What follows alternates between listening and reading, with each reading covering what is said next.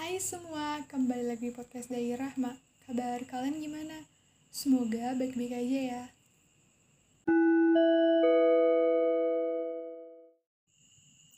Sudah tiga bulan ya di rumah. Rasanya hmm, enak gak enak.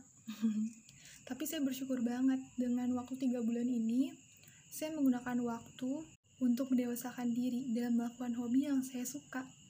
Saya kangen banget sih sama rutinitas yang biasa dilakukan. Bukan yang habis sahur terus subuh, eh malah tidur. Kamu gitu juga gak sih? Saya juga seneng banget bisa cobain sosial media yang dari dulu pengen saya coba.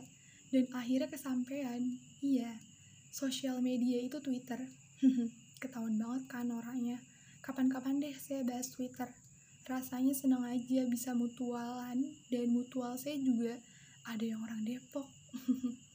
oh iya, sekarang kan udah liburan. Kalau saya sih iya, liburan uh, Idul Fitri kalau nggak salah. Iya, saya juga lupa sih rasanya nikmat banget kayak nggak perlu ngejar deadline tugas yang mepet hmm, saya tuh pengen banget setelah pandemi ini saya pengen seru-seruan bareng sama teman-teman deket saya di sekolah. Semua itu terlepas dari teman dekat cewek maupun cowok. Jadi nggak harus cewek doang kok teman deketnya. Ngomongin soal teman di sini saya mau bahas soal friendship. Bagi saya teman itu seperti keluarga saya yang kedua. Hubungan yang harus selalu dijaga mulai dari komunikasi dan kepercayaan satu sama lain. Kamu bisa melihat kesetiaan kam te teman kamu, sorry sorry, di saat kamu sedang jatuh. Kalau mereka ada di posisi kamu, saat kamu jatuh, pertahankan ya. Dan ketika rahasia kamu dijaga, kamu juga kamu juga harus uh, melakukan itu. Tapi ya lain cerita lah kalau kamu menjaga rahasia orang tersebut tapi teman kamu malah membuka rahasia kamu.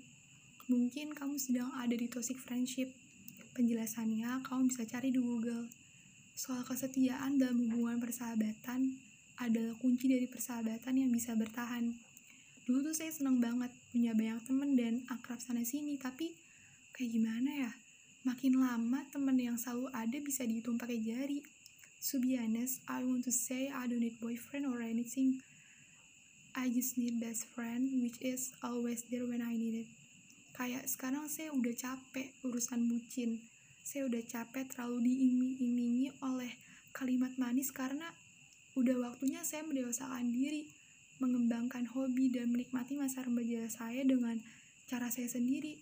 Sudah muak dengan kisah cinta yang awalnya manis namun ending ceritanya apa? Set ending kan?